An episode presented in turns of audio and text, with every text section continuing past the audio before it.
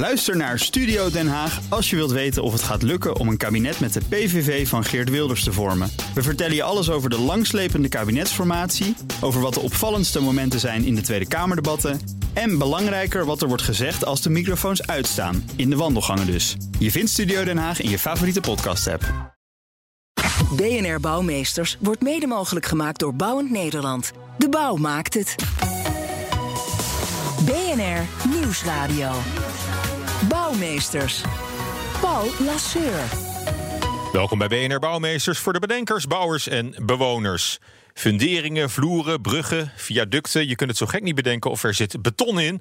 Of het is zelfs volledig van beton gemaakt. In de bouwmaterialenmaand kan beton daarom niet ontbreken. Want wat is de toekomst van beton? Dat het niet heel milieuvriendelijk is, dat weten we inmiddels. Twee jaar geleden sloten de overheid en het bedrijfsleven daarover het betonakkoord.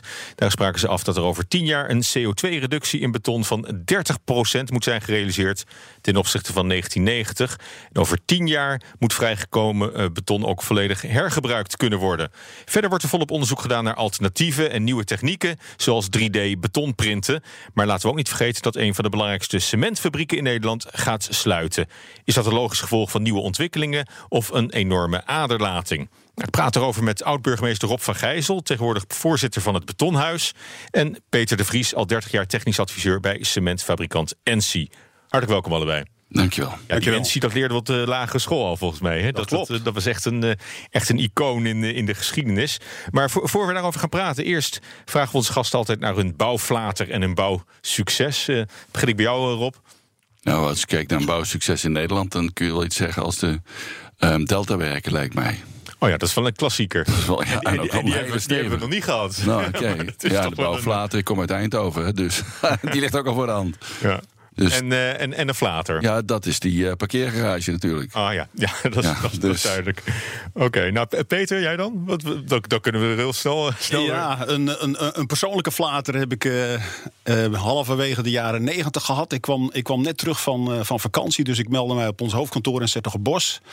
En dat was me volop in paniek, want uh, we waren in Amuiden op onze cementfabriek bezig met een betonverharding. En daar waren klachten over de, dat scheurde links en rechts. Nou, dan moet je direct dus een technisch specialist daarop afsturen om te kijken wat er aan de hand is. Maar ja, het is voor mij niet, uh, niet vreemd dat beton wel eens scheurt. Dat is ook een, ook, ook een eigenschap. Enfin, ik kom in naar Muiden en uh, ik kom daar bij het, uh, bij, het, uh, bij het terrein waar ze de verharding aan het aanleggen zijn. En ja, dus ik heb mijn linker ooghoeken zeg maar de donkere kleur van het verse beton. Ik denk van nou, daar zijn ze dus blijkbaar gestopt. En, en vanuit mijn ooghoeken zag ik alles, alles wit om mij heen. Dus. -hmm zoals beton er eigenlijk licht hoort uit te zien. Dus ik zet een stap naar voren op die verharding. En tegelijkertijd zak ik tot aan mijn knieën in de betonspecie. en ik ga lang uit. En mijn attaché-koffer vliegt 10 meter vooruit. En ik zat tot aan mijn ellebogen zat ik in de verse betonspecie. Ja, en was er iemand om je uit te lachen of niet? Uh, het, het, was, het, was, het, was, het was gelukkig net schaftijd. Dus iedereen die zat, uh, zat in de keet. Zat allemaal eerste rij. Maar, waar ik op stapte was in feite een, een, een, een fantastische behandeling met, uh, met een Curie compound. En die is ook licht, licht van kleur ook wit van kleur. Dus ja, ik heb, ik heb me daar een, een, een puinhoop achtergelaten van heb ik jou daar. Uh. dus de discussie over een enkel scheurtje in die verhouding was eigenlijk niet meer aan de orde. Dat is een prachtig verhaal, Peter. En, uh, en uh, groot succes daartegenover? Een, een, succes, ja, dat is een, een klein beetje een moeilijk, een moeilijk onderwerp op dit moment. Maar het past wel een beetje in het, in het kader. En, in 2016 kregen wij een vraag van de grootste producent van kanaalplaatvloer in Nederland. En die wilde de groenste betonplaten uh, wilde die maken. En die heeft Ensi daarvoor uitgenodigd om te zeggen van ja, jullie gaan mij een, een groen, groen bindmiddel uh, leveren. En dat, moet, dat moet ik eigenlijk op dezelfde manier kunnen verwerken als het cement wat we altijd van jullie krijgen. En dat moet ook nog tegen lagere kosten. Nou, dan ga je met elkaar ga je om tafel. Uh, we hebben hulp ook ingeroepen van ons moederbedrijf uh, Heidelberg Cement. En uiteindelijk uh, zijn we daar met een bindmiddel gekomen... wat ze op exact dezelfde manier konden verwerken als ons cement. Ja, en we hebben daar een, een knaalplaatvloer gemaakt met, met, met fantastische eigenschappen. Dus dat was geslaagd. Het enige wat minder geslaagd was, dat was de kostprijs. Die was vier, vijf keer zo hoger als het traditionele cement. maar goed, dus, het is een mooie innovatie. Mag ook wel wat kosten misschien. Maar, ja, zonder meer. Maar het, het was op dat moment niet het punt waarvan de producent zei van hier gaan we mee verder. Daar werden ze niet heel, heel gelukkig van, nee. kan ik me voorstellen. Nou goed, we gaan, we gaan praten over uh, beton. En uh, Rob Vergijzel, wat, wat zijn volgens jou momenteel de grootste uitdagingen voor de betonindustrie? Ja, Is, dat die klimaatvraag? Ja, eigenlijk voor de hele bouw. hè. We hebben natuurlijk een enorme maatschappelijke opgave als het gaat om de woningbouw. Ook om de infrastructuur. En dat in combinatie met allerlei vraagstukken op het gebied van ja, stikstof, ehm, energietransitie, ehm, klimaatadaptie. Het, het moet allemaal anders en het moet heel snel. En dat gaat niet alleen over de, over de bestaande, over de nieuwbouw, maar dat gaat ook over de bestaande bouw. Dus de opgave is mega. En we kunnen het gewoon niet aan in Nederland. We krijgen het gewoon niet geregeld. Dus dat is wel echt een, een grote Maar we kunnen, die, we kunnen de vraag naar beton niet aan. Is we het, kunnen- dat we dat lijkt me de een luxe probleem Ja, voor de was dat sector. maar zo. Nee, maar we kunnen de hele bouwvraag niet aan. Dus het is. Kijk, beton is op zichzelf niet zo'n probleem. Dat zit nog wel een beetje met het cement. Maar dat zal, zal eh, Peter zo meteen nog wel wat over zeggen met betrekking tot Maastricht. We zullen dat dadelijk moeten importeren. We hebben namelijk als Nederland wel een unieke situatie dat wij ehm, onze CO2-last redelijk omlaag hebben gebracht. Door het gebruik van slakken, eh, van de en vlieggas uit de, uit de kolencentrales die we als bindmiddel toevoegen. Als, als bestanddeel in het, eh, Ja, in, dat het scheelt. product. Wij Ja. hebben eigenlijk, als je ziet dat het zoveel gebruikt wordt en dat het met 3% bijdrage levert aan CO2, Hm. is dat relatief weinig ten opzichte van de hoeveelheid inzet die je hebt. Desalniettemin hebben we ons verplicht, en daar ben ik ook een groot voorstander van, om ook voor beton de CO2-productie omlaag te brengen. Dat is ook in dat betonakkoord, wat nu twee jaar oud is. En, Ja, dat eh, overleg ik regelmatig met alle partijen. Ik vind overigens dat daar de overheid wel iets actiever in zou mogen zijn. Zeker als ook, opdrachtgever. ook zorgen voor dat meer bedrijven zich aansluiten, meer gemeenten. en Ja, nou ja, eh, en ook dat, ze, dat, dat wat, wat mij er wel een beetje bij stoort, is dat wij hebben het gedaan voor beton. We hebben zelf het initiatief genomen als betonsector. Maar in, in de hout en het glas en de staal gebeurt dus eigenlijk niks. Dus ik wil eigenlijk dat die akkoorden gewoon over alle bouwmaterialen ehm, eh, worden Mm. afgesproken. En dat we dan nagaan, wat doen we dan? En dat we ze ook een beetje vergelijkbaar kunnen maken. Ik vind het nu een rommeltje. Ja. En dat Maar leidt je, je, je, tot je wijst nu naar andere bouwmaterialen, maar moet je niet om, om te beginnen naar, naar jezelf kijken? doen we ook. Van, eh, Dat is wat we doen. Je, je verantwoordelijkheid nemen. Ja, maar dat dat we het klinkt een beetje doen. alsof je, het, alsof je het afschuift. Nee, Dat absoluut niet. Nee, eh, nee, nee, want- Staal en hout komt goed weg nu. Nee, nee, want wij met dat betonakkoord, daar zit ik ook eh, ja, bijna maandelijks zitten om de tafel om te bespreken hoe we dat gaan doen. Maar ik vind eigenlijk dat de anderen dat ook zouden moeten doen. Ja. Ehm, Maar goed, veel schot zit er niet in. Bij ons, bij de In betonakkoord. het algemeen. Ik bedoel, wel, eindeloos hoor. vergaderd. We zitten elke maand bij Nee, elkaar. nee, nee, daar ben ik het helemaal niet mee eens. Want u zei net over de, over de doelstellingen. Maar circulair, kijk, het is de vraag tot welk niveau. Maar al het beton wat vrijkomt, wordt hergebruikt. Al het beton wat vrijkomt, wordt hergebruikt. Eh, vri- vrijwel 100% Wat we willen is dat dadelijk de ontwerper...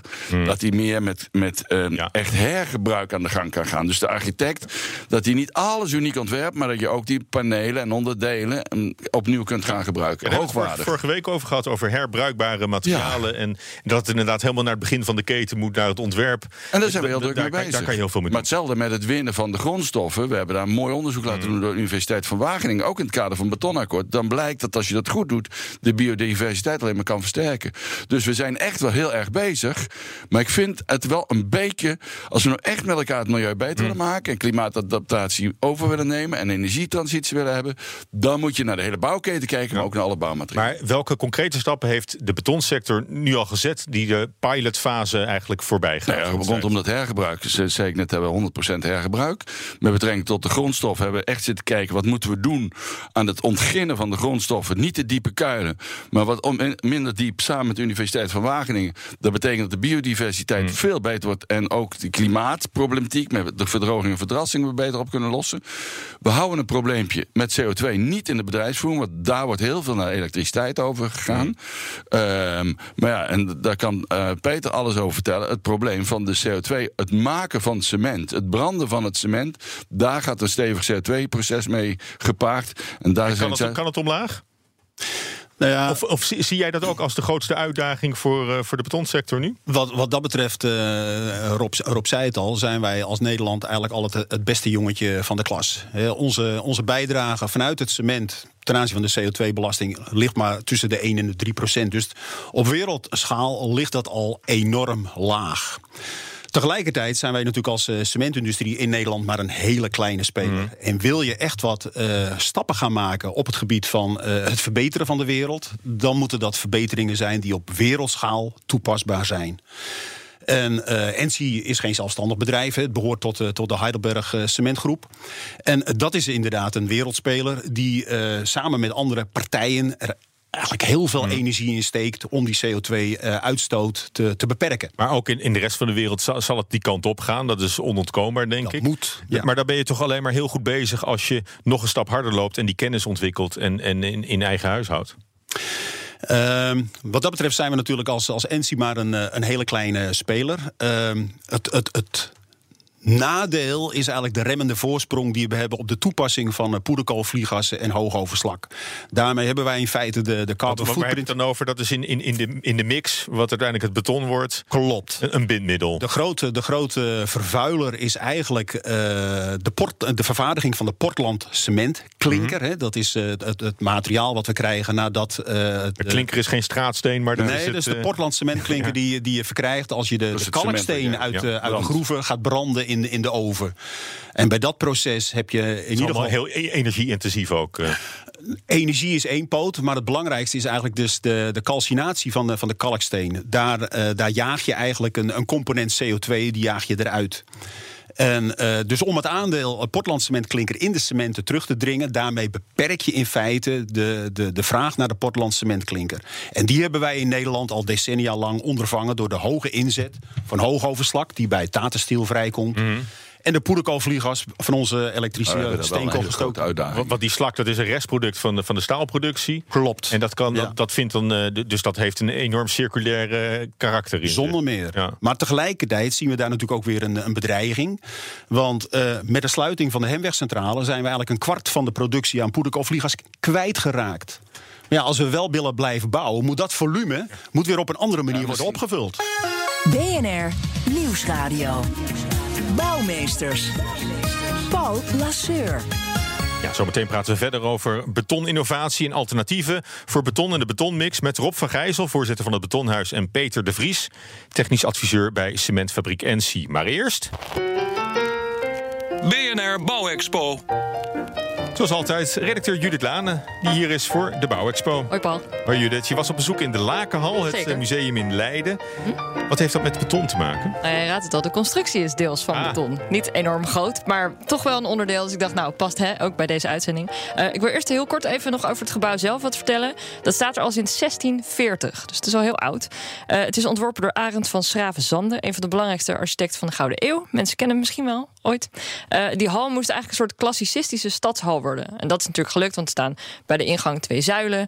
eh, hele mooie timpanen, zo'n driehoek aan de bovenkant. Dus het ziet er inderdaad ook klassiek uit.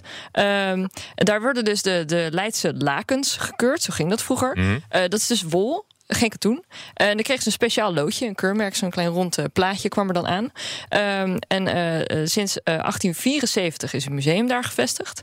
En door de jaren heen zijn er eigenlijk steeds meer ruimtes eh, toegevoegd en bijgekomen. eh, door middel van eh, schenkingen. eh, dat ze dan weer geld kregen en dan konden ze weer een stukje bijbouwen. Eh, de collectie werd namelijk steeds groter, ze hadden ruimte nodig.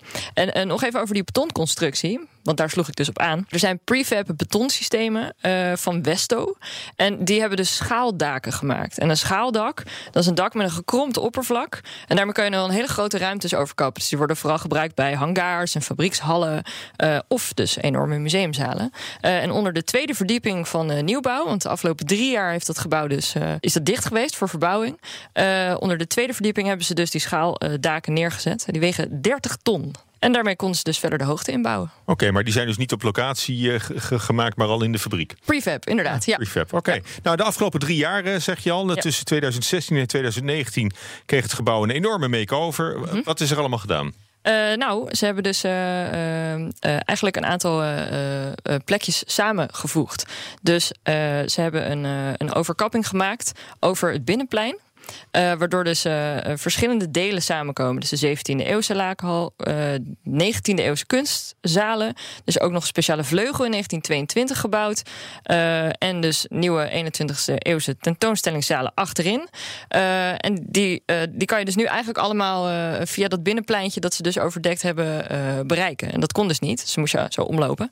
Ehm, en er zat trouwens ook een oude bierbrouwerij in. Vond ik wel leuk om nog even te zeggen aan de voorkant van het museum. Ehm, en dat heeft een heel mooi rond eh, houten plafond. Dus dat loopt dus in een soort boogje. Eh, en er zit ook nog een schouw in eh, die ooit gerestaureerd is met behulp van brouwerij Heineken. Ah, en al met al is er dus Dus 300... ook dat café-interieur is door Heineken ge- gefinancierd. Precies, ja, zoiets. Eh, trouwens, over dat, dat pleintje waar dat ze dus nu overdekt hebben, daar moesten dus de arbeiders vroeger wachten tot hun stof was gekeurd. Maar al met al komt er dus 375 jaar bouwgeschiedenis bij elkaar daar zo. Dus dan hoef je alleen maar op dat pleintje, voormalige pleintje te gaan staan. En dan, eh, dan kan je om je heen zien. te kijken. Ja. Ja, ja. En- Nieuw en- en oud dus. En, en, en de achterkant, dan hebben we het over de nieuwbouw, Ja. is ook bijzonder. Hè? Ja, ja, die springt dus heel erg in het oog als je vanaf het station eh, naar, eh er naartoe loopt. Dus ja, de mensen die Leiden een beetje kennen. als je vanaf de achterkant van het station komt, kan je langs de molen lopen. Dan kom je dus bij de achterkant van het gebouw uit. Daar kan je helaas niet naar binnen. Maar ik ben er toch even voor gaan staan om te kijken. Want dat hebben ze dus heel mooi gemaakt. Dat is dus de nieuwbouw. En ja, het is een soort, eh soort fabriekschoorstenen, vier op een rij. Ik weet niet, eh, zo moet je het een beetje vergelijken met eh, een soort harmonica-achtige vorm. Dus ho- hoekig. Ehm, en ja, ook gekantelde bakstenen die ze met de hoekjes naar voren hebben geplaatst. Dus het is echt een relief geworden. Ehm, en daar zit de logistiek en de opslag en werkplaatsen en kantoren. En daar ze ook het museumcafé ingebouwd. En eh, nou ja, het is eh, hartstikke mooi en eh, ook succesvol. Eh, want ze hebben de Abe Bonnema Architectuurprijs gewonnen daarmee. Eh, die architectencombinatie, Happel Cornelissen Verhoeven uit Rotterdam... die werd ook architect van het jaar, vorig jaar. Dankjewel weer, Judith. Eh, Nou, Interessant. Allemaal naar Leiden. Ja. Bouwmeesters. Ja, we praten nu door over de toekomst van beton. Welke nieuwe technieken voor de productie van beton zijn er al? En wat is de ideale grondstoffenmix voor klimaatvriendelijker beton? Ja, eh, Peter, het kwam al aan de orde hè, bij, de, bij de Lakenhal. Daar is ook prefab-structuren zijn daar gebruikt voor het, eh, voor het plafond. Hè, die hoge bogen. Nou, misschien is prefab wel de belangrijkste ontwikkeling van, van de laatste jaren voor de betonindustrie. Ja, als, je, eh, als, we, als we terugkijken, dan zien we dat de prefab natuurlijk al, al decennia lang een, eh, een belangrijke plek heeft in, eh, in, de, in de bouwwereld. Eh, De, de, de, de volumes zijn zo'n beetje 50-50 ten opzichte van in het werk eh, gestort beton. Maar ik zou me heel goed voor kunnen stellen dat dat in de toekomst gaat veranderen. En nu eigenlijk ook het 3D-printen. Het, ja, het staat nog weliswaar in de kinderschoenen. Maar er zijn ontzettend veel enthousiaste mensen die op dit moment daarmee mee bezig zijn. Dat voor ontwerpers, architecten lijkt me ook geweldig als, Ja, je, als je vormen kunt, kunt printen. Ja. Nou ja, beton staat natuurlijk al sinds jaar en dag bekend als een materiaal met een enorme vormvrijheid. hè. En, en architecten die maken daar dankbaar gebruik van. Iets wat, wat, wat Rob eigenlijk net zei van ja. Daar ben ik niet voor. Hè? Dat, dat, dat zou op een andere manier eh, moeten, dat kan ik me voorstellen. Maar eh, juist met het 3D-printen is het grote voordeel dat je het eh, beton op die plek kan, kan eh, brengen waar je het ook nodig hebt. Hè, als we kijken, je maakt een balk eh, van A naar B, hè, dan weten we allemaal van als we op die balk gaan staan, gaat die doorzakken. Hè. Dus bovenin heb je, heb je materiaal nodig om de druk te kunnen weerstaan. En onderin heb je de wapening nodig. En in het midden zit ergens een neutrale lijn. Daar heb je helemaal geen materiaal nodig. En dat is het mooie met dat 3D-printen. Daar kan je het materiaal op die plek brengen waar ook het- krachtenspel zich afspeelt. Dus in die neutrale fase, waar eigenlijk helemaal geen materiaal hoeft te zitten, hoef je er ook geen beton aan te brengen. En dat, dat zou toch wel een enorme besparing kunnen betekenen. Maar grote verandering is natuurlijk toch, ik zei er net al iets over, over de bouwketen. Kijk, zoals we nu bouwen, is het zo dat, ehm, dat de faalkosten in de woningbouw zijn 17 procent.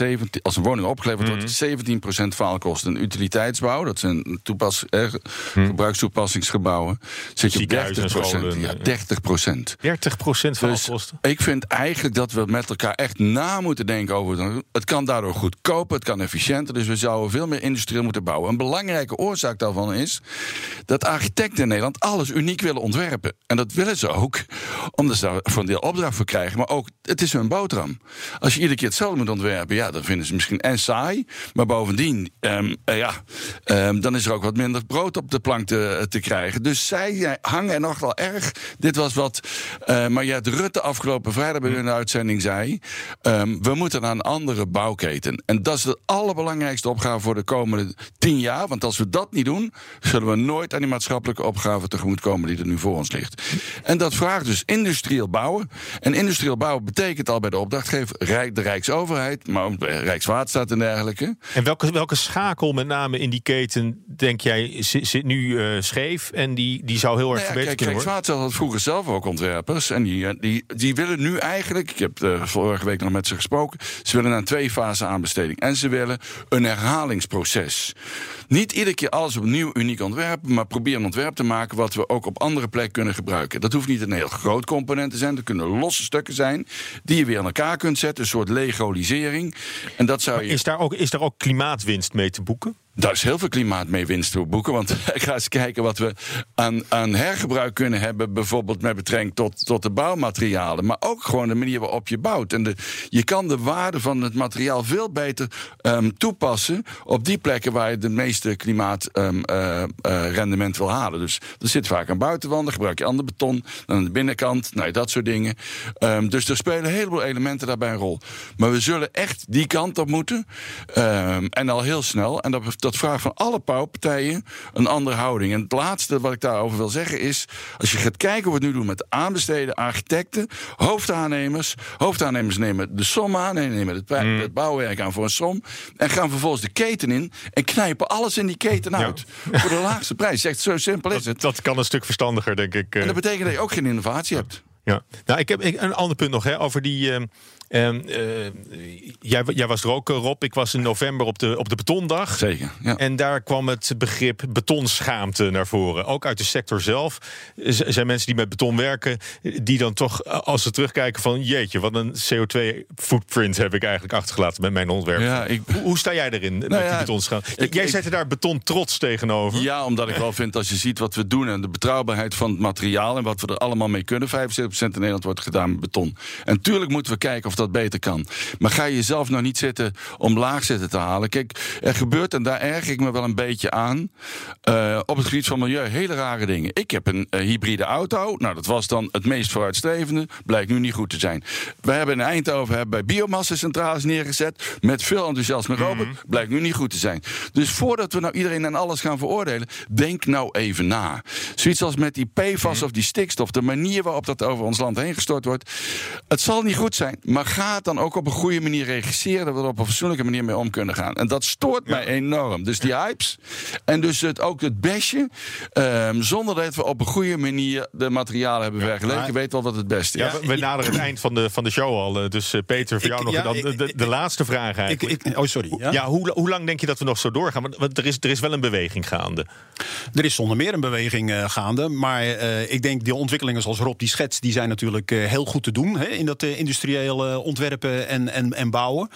Maar het, het, het beton als materiaal, dat raken we voorlopig niet kwijt. En dat is inderdaad een materiaal waar we enorm trots op willen en kunnen. Maar het zijn. is, het is nog hetzelfde beton als waar de Romeinen al mee bouwden. Eh, Feitelijk is het nog niet echt helemaal... kijk, eh, het, het, het, is, het is een, het is een 1, 2, eh, 2, 1, wel 2 3 kalk, maar- beton. Maar wij, Maar wij, we, gaan, we gaan het niet over receptuur hebben nu, want eh, we hebben de tijd niet meer. Het programma zit er al op. Dus eh, hartelijk dank eh, voor dit gesprek eh, in elk geval. Eh, Rob van Gijzel van het Betonhuis en Peter de Vries, adviseur bij cementfabriek NC.